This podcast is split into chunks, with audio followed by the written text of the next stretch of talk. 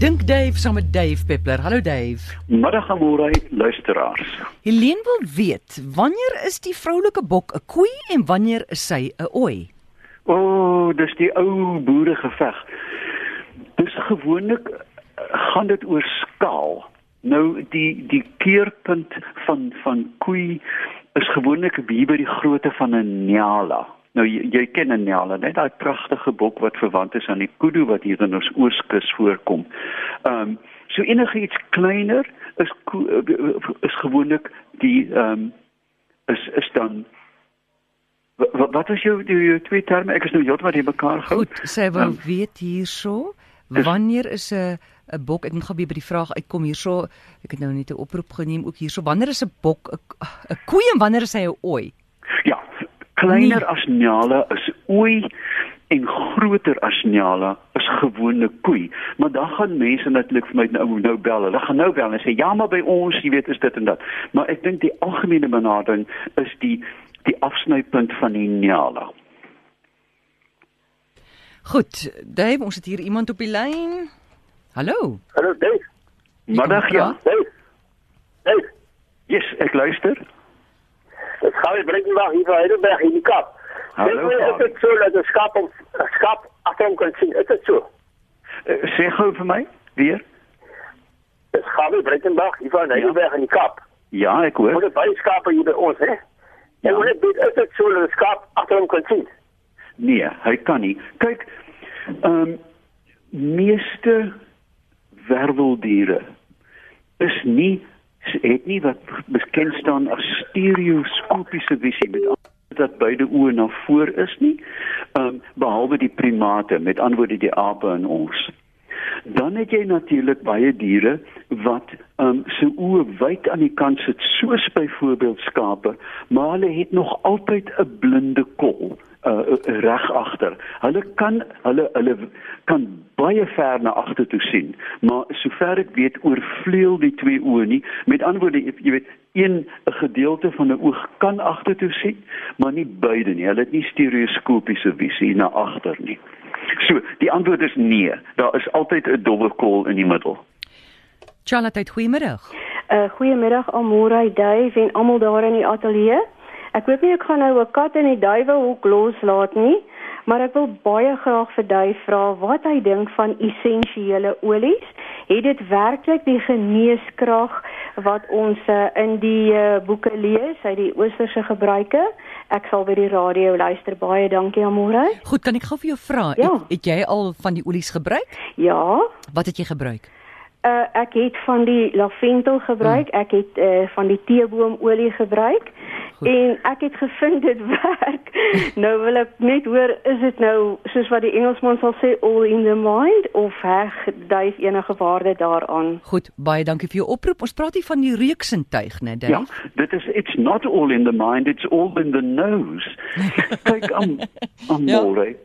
Ehm daar is nie kliniese toetse wat die heilsame uitwerking van reuke nie, maar een spesifiek lavendel wat sy eerste genoem het, mm.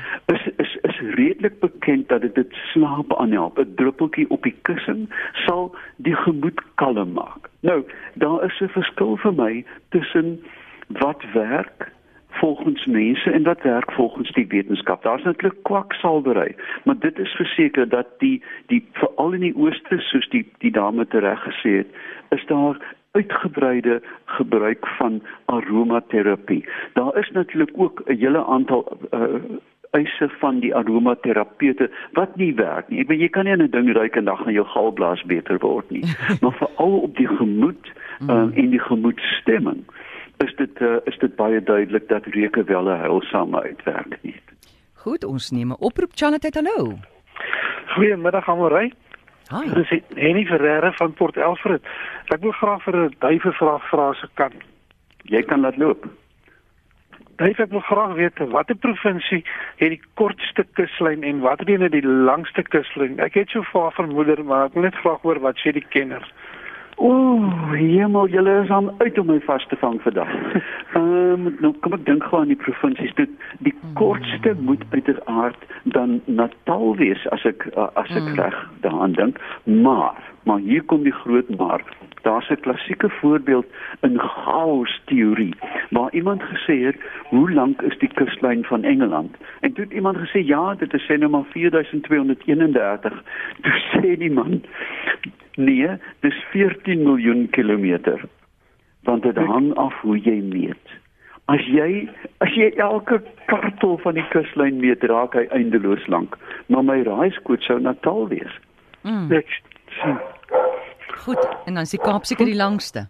Die Kaap is verder dan Ja. die langste ja. Goed, Dit, dit dankie. is sommer so uit my duim uit, maar onthou net, jy weet, as jy met 'n met 'n potlood of, of as jy nou meet met 'n met 'n liniaal, gaan jy akkurate, maar as jy met 'n mikroskoop meet, dan raak hy oneindig lank.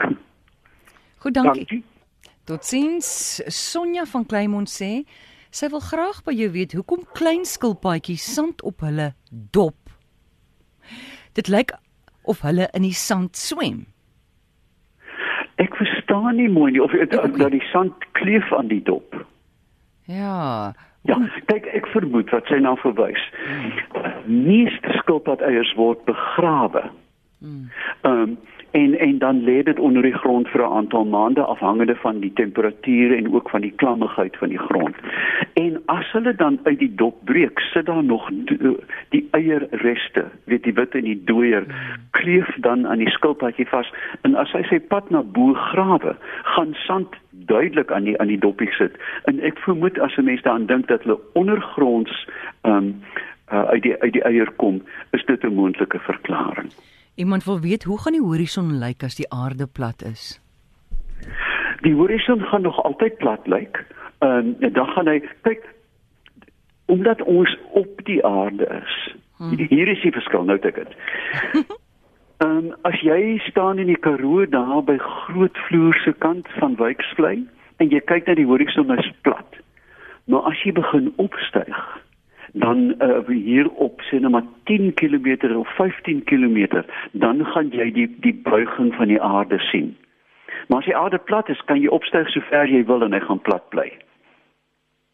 Goed, ons vat nog 'n oproep Chanat, hallo. Hallo, die stomkreer van die Parel wat praat. Ek wil graag vir jy vra hoe bepaal hulle die die jaartal voor Christus? Ek verstaan dat ek is 1938 jaar na Christus gebore, maar hoe weet hulle die piramides byvoorbeeld is duisende jare voor Christus gebou? Ja, ek dink dit is uh, dit is 'n redelike eenvoudige afleiding van nou eh, selfs die geboorte van Christus is onseker soos ons in baie feite is oor die beginstadium van die geskrewe Bybel.